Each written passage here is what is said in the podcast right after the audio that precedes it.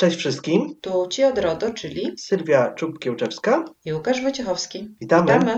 Sylwia, planowaliśmy różne tematy na kolejne podcasty i bardziej takie tematy ogólne, na przykład dokumentacje, ale ostatnio wydarzyło się kilka rzeczy, o których myślę, że warto porozmawiać, stąd tak awaryjnie e, nag- nagramy dzisiaj podcast e, o, te, o tematach bieżących. Chodzi przede wszystkim o nowe kary nałożone przez prezesa Urzędu Ochrony Danych Osobowych, jak również no, wyrok sądu, który zakwestionował jedną z kar, ale tak nie do końca zakwestionował i o tym też e, chciałbym z Tobą porozmawiać. Przede wszystkim chciałbym Cię zapytać, co myślisz o pierwszej karze nałożonej na organ publiczny, samorządowy, na burmistrza Aleksandrowa Kujawskiego?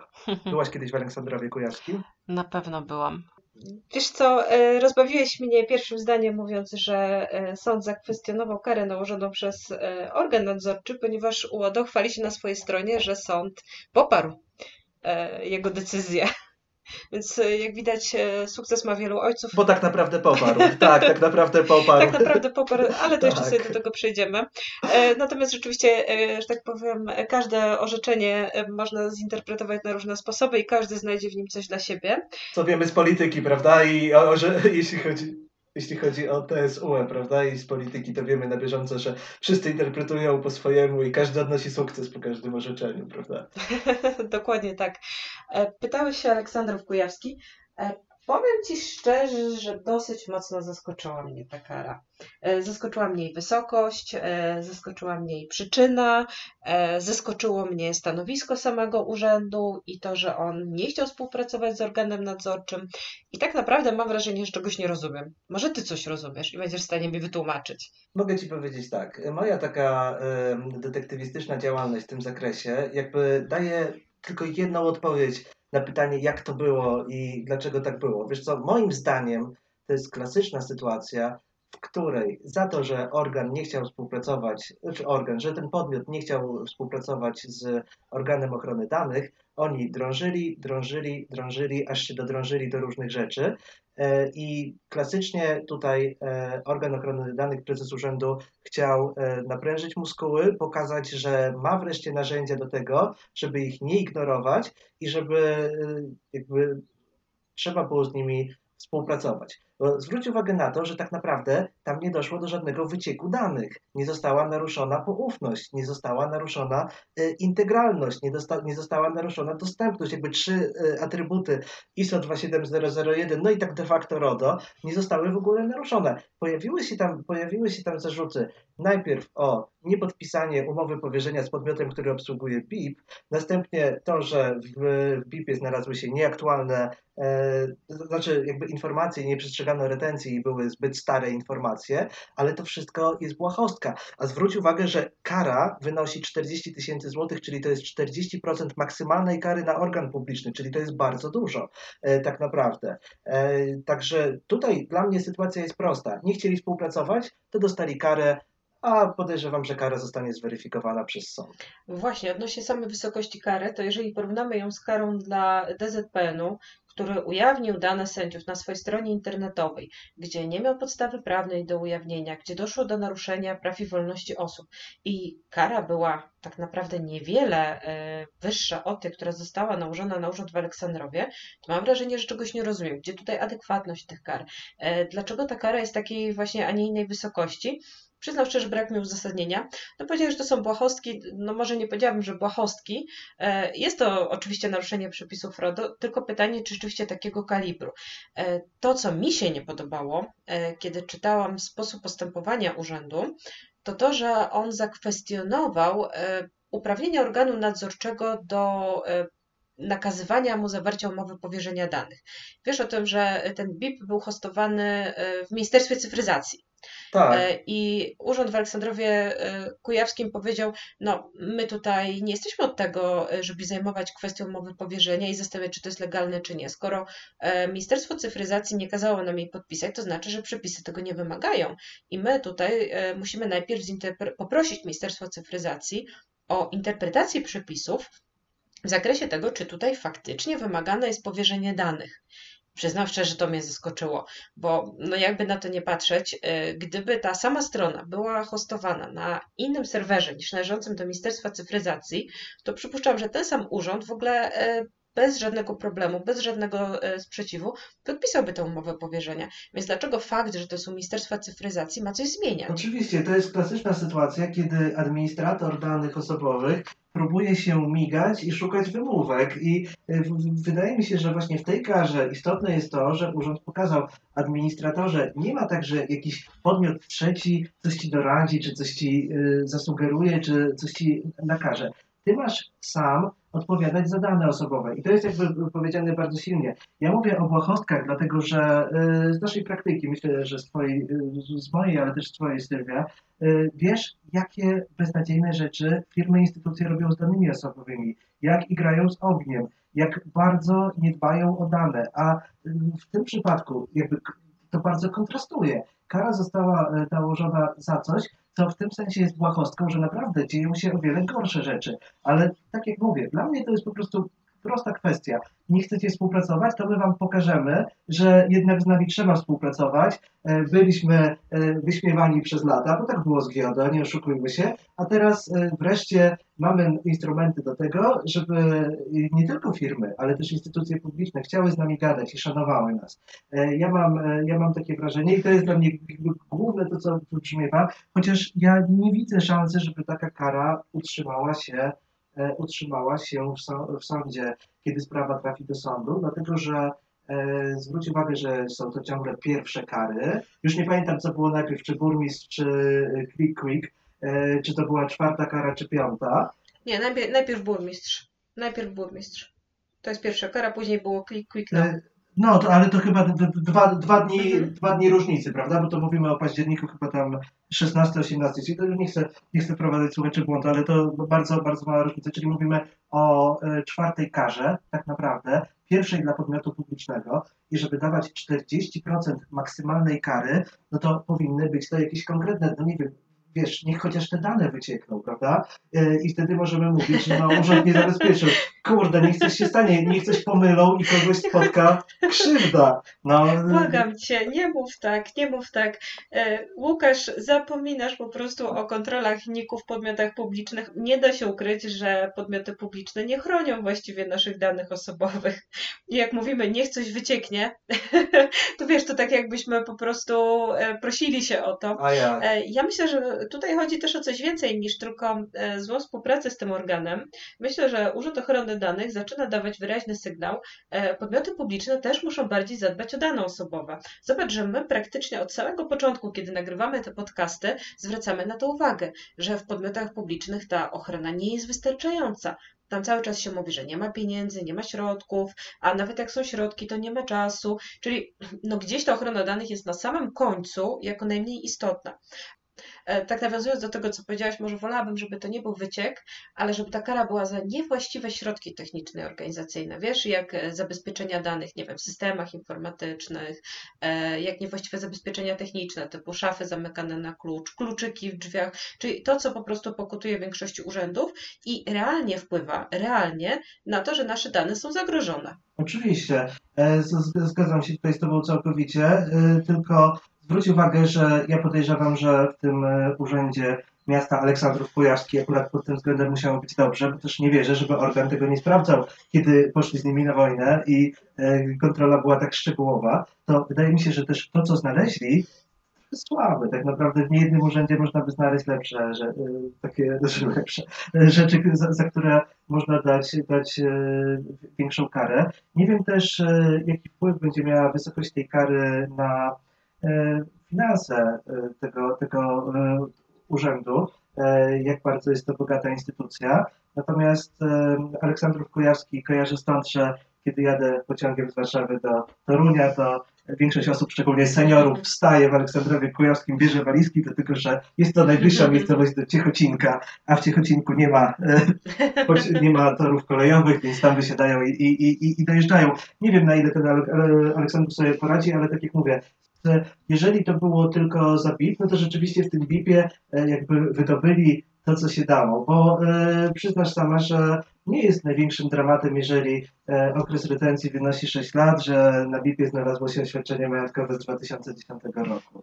E, myślę, że nie jest to tragedia. Troszkę sobie poszukałam na stronach Urzędu Ochrony Danych informacji o świadczeniach majątkowych i wyobraź sobie, że znalazłam wytyczne, mhm. już patrzę na datę, 31 lipca 2019 roku, gdzie łodo wyraźnie mówi o tym, że jest sześcioletni termin przechowywania oświadczeń majątkowych osób zobowiązanych do ich składania i odnosi tę odpowiedź do BIP-u. A w samej decyzji oni twierdzą, że jest pięcioletni okres przechowywania na BIP-ie, a sześcioletni w dokumentach sprawy. Więc ja mam wrażenie tutaj, że doszło jednak do jakiejś niespójności interpretacyjnej w samym urzędzie. I na co chciałam zwrócić uwagę w samej decyzji, że urząd na samym początku napisał, że liczył na to, że do czasu zakończenia kontroli urząd w Aleksandrowie Kujawskim będzie współpracował że oni mieli szansę. Jeszcze cały czas, jak były wyjaśnienia i tak dalej, mieli szansę powiedzieć, tak, zawrzemy tę umowę, albo już podjęliśmy odpowiednie kroki, tak, usunęliśmy to, tak, zrobiliśmy to i nie byłoby tej kary. Mhm. Czyli tak naprawdę ta kara, no powiedziałeś na początku, że to, że to trochę zemsta, ale to też taka, ja bym powiedziała, niewiedza Czyli oni do samego końca mieli szansę jeszcze się wybronić. Tak, e, to prawda. I jeszcze jest jedna rzecz, wiesz, na którą można, oczywiście to temat na e, inną rozmowę, ale trzeba sobie odpowiedzieć na pytanie, po co publikuje się oświadczenia majątkowe.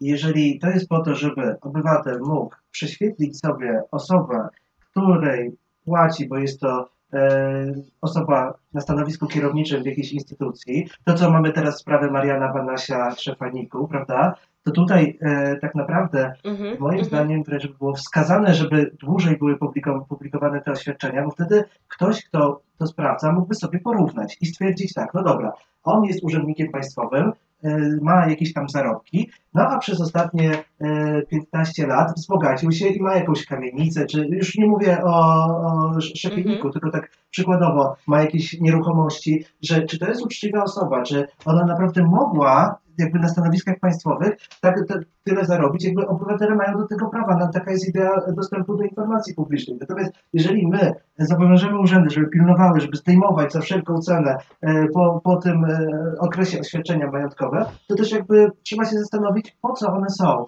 Czy one są po to, żeby zaspokoić swoją ciekawość, ile ktoś ma dzisiaj, czy żeby sprawdzać, czy jest to osoba transparentna, która e, jakby do swojego majątku dochodziła uczciwie. Ale to mówię, temat na inną rozmowę, tutaj też nie mam jakiegoś bardzo wyraźnego zdania. Myślę, że wszyscy czekamy na e, wyrok, na orzeczenie sądu w sprawie tego BIP-u. Bo tak naprawdę to jest pretekst do tego, żeby sąd e, dał nam wytyczne, jak z tym postępować. Bo to, co ty powiedziałeś, z jednej strony jest to, czego my chcemy, a z drugiej jest to, co nakazują przepisy, co twierdzi Urząd Ochrony Danych Osobowych. Chociaż ta interpretacja jest no, taką subiektywną interpretację. Chciałbym, żebyś e, e, wypowiedziała się, nawet tylko ty, już tak bardzo krótko, ale na temat kary dla e, firmy ClickQuick, która jakby jest tą piątą karą, jest związana z bardzo ciekawym tematem, a mianowicie wycofywaniem zgody, które było utrudnione. Powiedz, co, co o tym myślisz? Czy masz satysfakcję, że wreszcie temat, na który ty też i ja też zwracaliśmy wielokrotnie uwagę, że wreszcie tak trochę dotknęło to też przetwarzania tych danych w internecie, e, no i, no i kwestii e, oczywiście realizacji praw osób fizycznych. Co ty na to? Czekałam na niego, tym bardziej, że toczyłam spory e, z różnymi osobami, specjalistami w dziedzinie ochrony danych, które twierdziły, że jak najbardziej e, można e, tak biernie utrudniać wycofanie zgody. Mój ulubieniec tłumaczył mi, że jeżeli ty wyraziłeś zgodę na przetwarzanie danych osobowych podczas zawierania umowy w oddziale jakiejś firmy, powiedzmy byłeś tam służbowo, więc jest to drugi koniec Polski i nagle wróciłeś do siebie i stwierdziłeś, że chcesz wycofać tę zgodę, to powinieneś ją wycofać w taki sam sposób, w jaki wyraziłeś, czyli wrócić do tamtego oddziału. No bo tam pojechać. Oddziale, Dokładnie. E, I wyobraź sobie, że ta interpretacja jest dosyć popularna. E, Click Quick Now, e, no faktycznie to jest bardzo ciekawy przykład, bo tak, z jednej strony trzeba im przyznać, że oni pozyskiwali w sposób legalny zgody na przetwarzanie danych.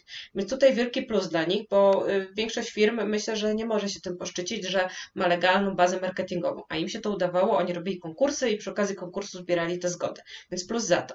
Natomiast wycofanie zgody to jakaś gehenna, prześledziłam sobie decyzję e, prezesa UODO, później jeszcze popatrzyłam na to, jak to wygląda i z tego, co rozumiem, bo teraz to już chyba wygląda inaczej, to wyglądało to w ten sposób, że dostawałeś e-mail. W mailu był link. Musiałeś kliknąć w ten link.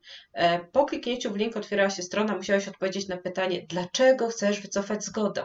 No nie każdy ma ochotę się tłumaczyć. Poza tym przepisy nie każą ci się tłumaczyć. Ale nie ma opcji, jeżeli się nie wytłumaczysz, to nie przejdziesz dalej. Więc musisz podać przyczynę i uwaga, w momencie, kiedy podajesz przyczynę, otwiera się strona, na której dostajesz adres mailowy, pod który możesz skierować swoje żądanie usunięcia danych.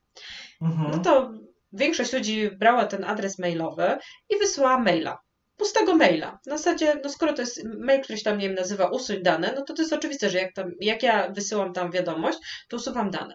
Firma natomiast interpretowała to w ten sposób, że jeżeli mail nie zawiera konkretnego żądania, a ta osoba się konkretnie nie zidentyfikowała, no to jest to wykonane w sposób wadliwy i tak naprawdę nie wiadomo, czego ta osoba chce, w związku z tym nie realizowali tego prawa. Straszne.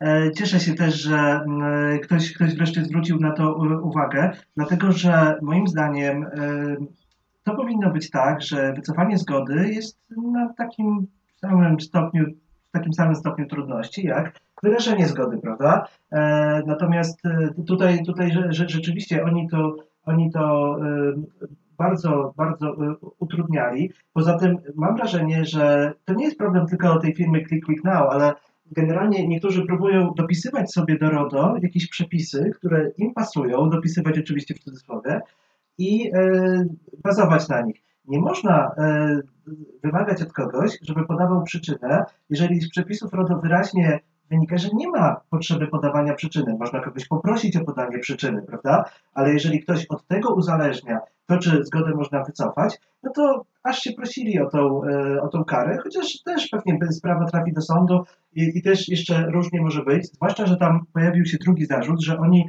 pomimo tego, że ktoś wycofywał zgodę, to oni tą, te dane dalej e, przechowywali.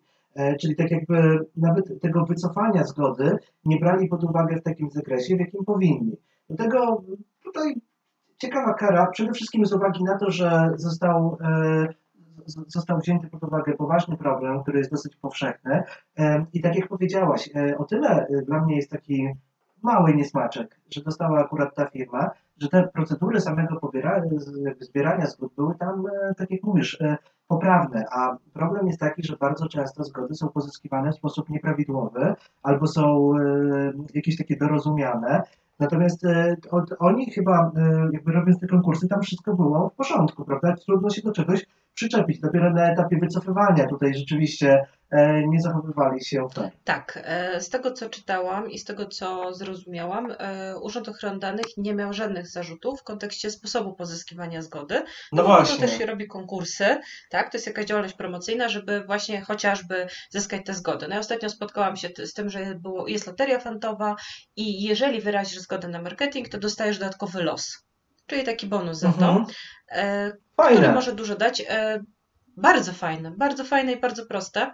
E, w kontekście tego, co powiedziałeś, wiesz, warto się powołać na sprawozdanie roczne prezesa UODO za 2018 rok, gdzie on zwrócił uwagę, że większość administratorów podchodzi do zgody właśnie dokładnie na odwrót. Czyli e, zgoda jest dorozumiana. Co do zasady, jeżeli ty nie zgłaszasz sprzeciwu, to znaczy, że zgadzasz się na nasz marketing.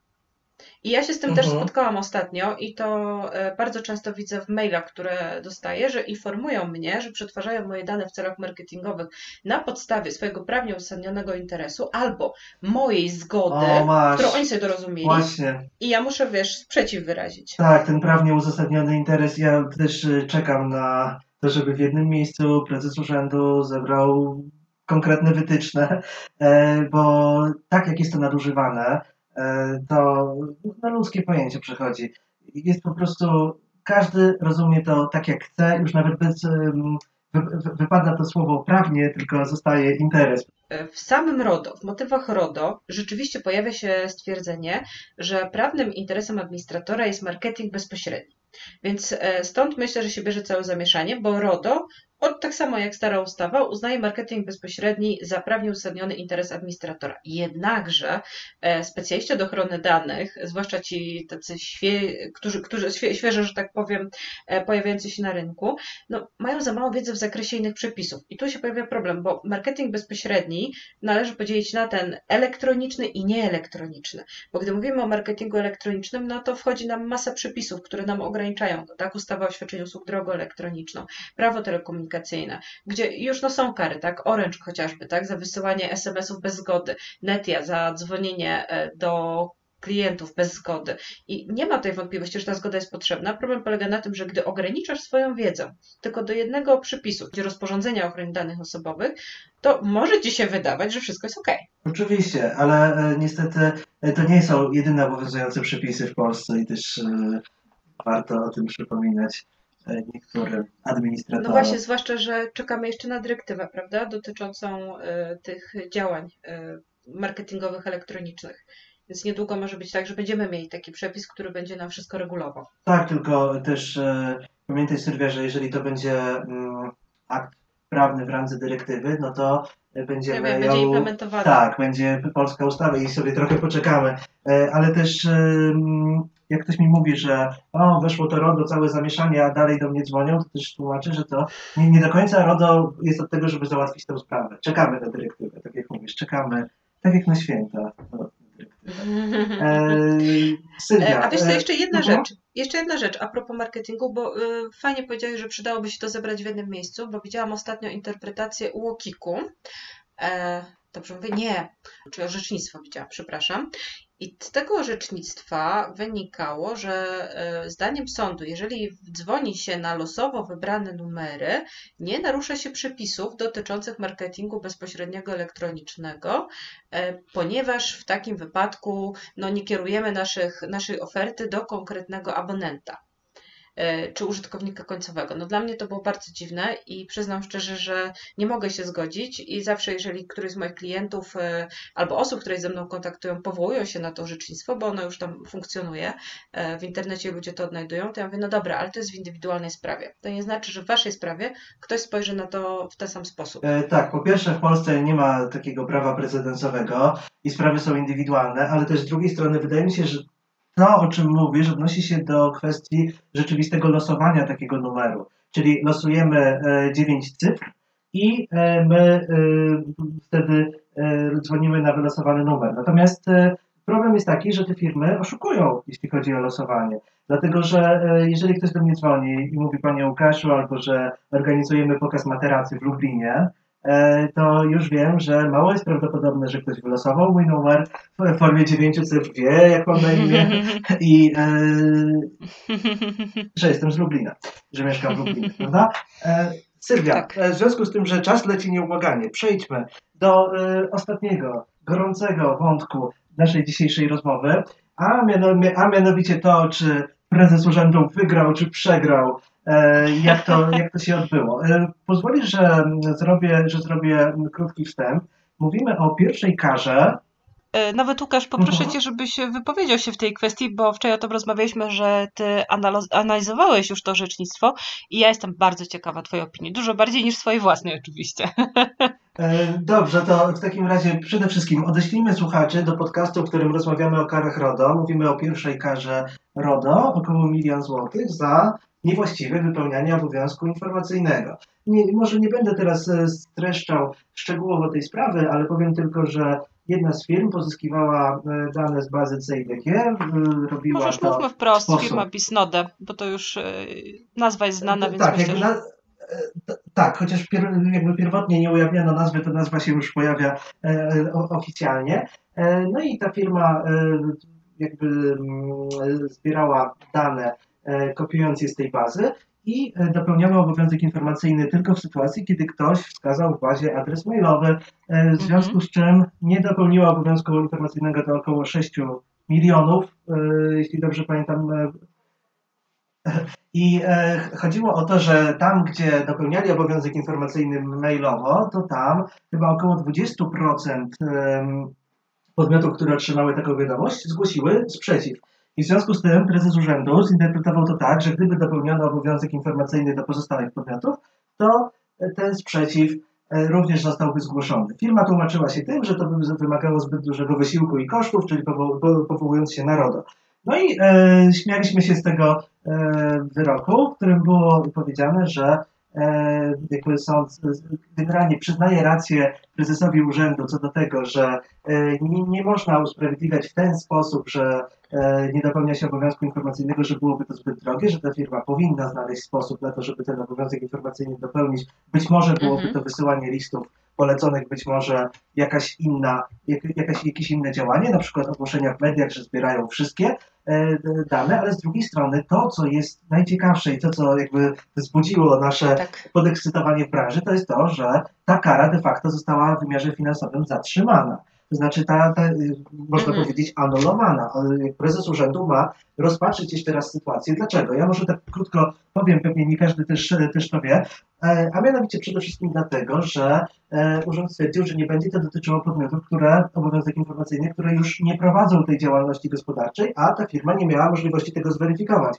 Czyli urząd powinien zwrócić uwagę, jakby wyeliminować Mhm. tak, te podmioty, które już nie funkcjonują e, z liczby podmiotów naliczanych do kary. Przez to ta kara powinna zostać zweryfikowana, dlatego że liczba e, prze- e, przetwarzanych danych osobowych miała realny wpływ na to, jaka jest wysokość tej kary. Zwrócono też uwagę, że to jest pierwsza kara w ogóle w Polsce, jeśli chodzi o RODO i jej wysokość jest przez to kontrowersyjna, Mhm. bo e, jako pierwsza kara około miliona jest to dużo. Co myślisz, Sylwia? Myślę, że jest to bardzo ciekawe. E, Zastanawiałam się też mocno nad e, tym obowiązkiem informacyjnym i e, tymi osobami, które już nie prowadzą działalności gospodarczej. Rozmawiałam nawet dzisiaj z Martą na ten temat, naszą koleżanką, też specjalistką z branży, która powiedziała, wiesz, ja się zastanawiam, czy jakbym prowadziła działalność, czy jakbym nie prowadziła, czy bym w ogóle zrozumiała, o co chodzi. Mówi, bo był taki moment, że wszyscy nas informowali, tak, te obowiązki informacyjne są, były zupełnie niezrozumiałe i tak naprawdę każdy to olewa. Tak, E, I wiesz, ja mówię, no dobra, ale wiesz, jeżeli moje dane byłyby w tej bazie, e, nawet jak ja bym nie prowadziła już działalności, to ja chciałabym o tym wiedzieć, żeby móc się sprzeciwić, bo skoro nie prowadzę działalności, to nie chcę, żeby ktoś na podstawie tych danych e, uważał, że jest inaczej, tak? Był wprowadzany w błąd, a tym samym na przykład kontaktował się ze mną. I tutaj rzeczywiście Wiesz, za karę, za karę, że nie prowadzisz już działalności, nie masz y, praw wynikających No z RODO. właśnie. prawda? Tak to trochę No wychodzi. właśnie, i ja mam wątpliwości, no bo jakie to ma znaczenie, że ja nie prowadzę tych działalności? Naprawdę, jakie to ma znaczenie? Nadal moje dane są tam w bazie. E, Poza tym wiele osób nie zdaje sobie sprawy z tego, że jak wprowadza e, dane w formularzu do CITG, zwłaszcza w CITG, tam są takie pola jak telefon i e-mail. I wiele osób myśli, że one są obowiązkowe i że one będą widoczne tylko dla urzędu. A później się okazuje, że one są tam publikowane, no i na szeroką skalę wykorzystywane. E, I mimo tego, że ty już nie prowadzisz działalności, może się okazać, że no, twój prywatny adres e-mail, bo najczęściej osoby prowadzące działalność gospodarczą posługują się prywatnym adresem e-mail i twój prywatny telefon dalej jest na szeroką skalę, tak, nie wiem, udostępniany, wykorzystywany, że jesteś oceniany, bo może będzie tak, że ta firma na przykład e, negatywnie cię oceni w tym momencie, a ty masz zawieszoną działalność gospodarczą, ty po jakimś czasie będziesz chciał wrócić na rynek i to, że nie wiedziałeś, że tam masz taką ocenę i nie mogłeś wyrazić sprzeciwu, wpłynie jakoś na twoją działalność. No, ja jakoś nie jestem przekonana, powiem ci szczerze. Tak, ale zobacz, ciągle mówimy o kwestiach merytorycznych, ale w- wraca jedna kwestia i to Mhm. myślę, że bardzo ważna. Kwestia wizerunku urzędu. E, I to Mhm. jest ogromny problem. E, Rozmawialiśmy w jednym z wcześniejszych podcastów o tym, że źle zostało to zrobione i nie wiem, czy pamiętasz, mam trochę satysfakcję, bo na wszystkich szkoleniach w rozmowie z Tobą mówiłem, ta kara w sądzie zostanie zakwestionowana. Tak I rzeczywiście było. tak się stało. Jakby byłem w pełni przekonany, że tak będzie. I e, sygnał jest taki, że no dobra, jest ten urząd daje jakieś kary, ale to przecież e, idziemy do sądu i ta kara jest cofnięta. E, i, I widzę, że urząd próbuje się ratować i rzeczywiście Ale e, autorytet, to nie masz rację, autorytet organu został zachwiany, zdecydowanie. bardzo, bardzo. Pierwsza kara e, i e, oni mają rację, wiesz co tam, jeśli chodzi o merytorykę, to 90% e, czy nawet więcej e, jest, jest e, jakby przyznania racji przez sąd e, prezesowi Urzędu Ochrony Danych, ale samo to, że e, wiesz co ludzi ekscytuje. No, wysokość Wysokość kary, kary, zdecydowanie. E, I jeżeli ta wysokość, no zobaczymy, jak ona się zmieni, ale myślę, że to jest e, taki też sygnał dla wszystkich podmiotów, e, że idziemy do sądu, walczymy, jeżeli dostaniemy karę, kto wie, może też zostanie w jakiś sposób zakwestionowana, a przede wszystkim takie postępowanie, ono się bardzo długo e, będzie toczyło, Mhm. prawda, bo mówimy e, też o, o, o kolejnych instancjach, pewnie też e, tutaj niektórzy będą chcieli dociekać sprawiedliwości w sądach Unii Europejskiej, Zobaczymy. e, dlatego Mhm. tu, tutaj wydaje mi się, że trochę te ostre zęby urzędu zostały stępione, wiesz co, e, jakby na to I nie jeszcze patrzeć. jak mówisz o wysokości kary, to kurczę rzeczywiście, zobacz, 2 miliony kary dla Morele za e, wyciek danych, za niewłaściwe zabezpieczenia, e, 200 tysięcy za uniemożliwienie wycofania zgody, a prawie milion za niezrealizowanie obowiązku informacyjnego. To ja bym porównała jednak e, wagę e, naruszenia dokonanego przez Click Quick Now e, z naruszeniem Pisnody. No dla mnie to jest ten sam poziom, a kara jest na zupełnie innym poziomie, prawda? Właśnie, o to chodzi. E, Być może e, tam jeszcze wchodzą jakieś kwestie, jaka jest, jakie są możliwości finansowe takiego podmiotu, jaki to jest gracz, Mhm. prawda? Ale z drugiej strony wtedy Morele wypadł tak e, e, skromnie, e, chociaż ja też na początku nie byłem do tego przekonany, ale po rozmowie z Tobą, zresztą którą można posłuchać, e, też jakby zainteresowałem się tematem. I rzeczywiście to jest ogromna firma e, i ta kara nie powinna stanowić dla nich dramatycznego problemu. Dlatego tutaj em, jakby ciągle, ciągle brakuje takiej transparentności, e, co jest za co i dlaczego. I to jest jakby e, praca domowa dla urzędu. Chociaż e, nie wiem, czy masz takie wrażenie, już takie jakby na, na koniec Mhm. naszej rozmowy, e, wydaje mi się, jako osoba często krytykująca funkcjonowanie urzędu, jeszcze pod poprzednim szyldem zwłaszcza, że sprawy idą w dosyć dobrym kierunku. Du, du, dużo się dzieje w, w, Urzędzie Ochrony Danych e, i rzeczywiście e, jakby zakres działań się zwiększa. Ja patrzę e, pozytywnie e, na to, co, co, co e, prze- przez ostatnie miesiące e, e, robi Urząd Ochrony Danych Osobowych. Jest ich więcej, więcej się mówi. E, Dużo, dużo jest ciekawych dokumentów. E, du- Dużo też decyzji, również e, coraz więcej kar. E, Dlatego wydaje mi się, że jeżeli jakby ta energia, która jest teraz e, i jakby ta, ta, ta, ta motywacja zostanie zachowana, to być może już za kilka lat sprawy naprawdę się uporządkują i będziemy mieli e, autorytet, na który możemy patrzeć. Oby, Oby oby. tak było. Zdecydowanie e, poza jakimiś drobnymi wpadkami, o których myślę, że już dzisiaj nie będziemy dyskutować, ale moglibyśmy sobie poanalizować trochę decyzje, gdzie na przykład urząd sam sobie zaprzecza, co niestety się zdarza czasami, e, to rzeczywiście, Czasami. no, ale wiesz, niektóre sytuacje są takie kontrowersyjne. To ja zdecydowanie zgodzę się z Tobą. Bardzo mi się podoba, że jest większa transparentność, e, że jest więcej publikowanych decyzji. E, Widzę też kontakt. e, Teraz są aktualności na stronie UODO, które praktycznie codziennie się zmieniają. Ja codziennie wchodzę na stronę UODO i tam jest coś do poczytania. A, Właśnie o tym mówię, a to był wiesz, martwy jest urząd. To był martwy urząd. Tak, Tam tak. się nie mogłeś To był dodzwonić. taki biedny, martwy Tak, urząd. słuchaj, tak, nie dokładnie. odpisywali na e, wiadomości, nie, od, nie odbierali telefonów. No, kiedyś tak było. Na moje też. No właśnie, a teraz powiem Ci szczerze, ja na każdą, e, na każde pytanie, na każdą wiadomość dostaję odpowiedź, więc jest różnica, e, zdecydowanie na plus. Oczywiście wiadomo, że z punktu widzenia przedsiębiorców czy podmiotów publicznych, które będą kontrolowane, to jest raczej na minus, bo obawiają się większej Tak. liczby kontroli. Jednak z mojego, Twojego punktu widzenia, jako osób, których dane dotyczą, nie jako specjalistów do ochrony danych, to jest na plus. Poza tym ja cały czas w tych decyzjach jednak widzę rozsądek. Widzę możliwość komunikacji, widzę możliwość e, podczas kontroli wybronienia się, możliwość e, wdrożenia ich zaleceń i uniknięcia kary, bo tych kar nie jest dużo. Gdyby urząd postępował inaczej, gdyby był nierozsądny, gdyby e, był zapalczywy, to myślę, że mielibyśmy karę za karą, a są takie e, organy nadzorcze, które dużo kar e, w Europie dają. Tutaj tego nie ma. To jest spokojnie i bardzo Tak. dokładnie, prawda? Zgadza się. I też wydaje mi się, że nowa struktura organizacyjna odpowiada potrzebom, chociaż e, troszeczkę mi się wydaje, że za bardzo związane jest zgłaszanie naruszeń z kontrolami i to jakby mm, może nie zachęcać do, do zgłaszania, ale z drugiej strony, tak jak mówisz, e, nie jako przedsiębiorcy, nie jako specjaliści, ale jako osoby, których dane są też przetwarzane przez różne instytucje i firmy, jak najbardziej e, możemy na to spojrzeć pozytywnie.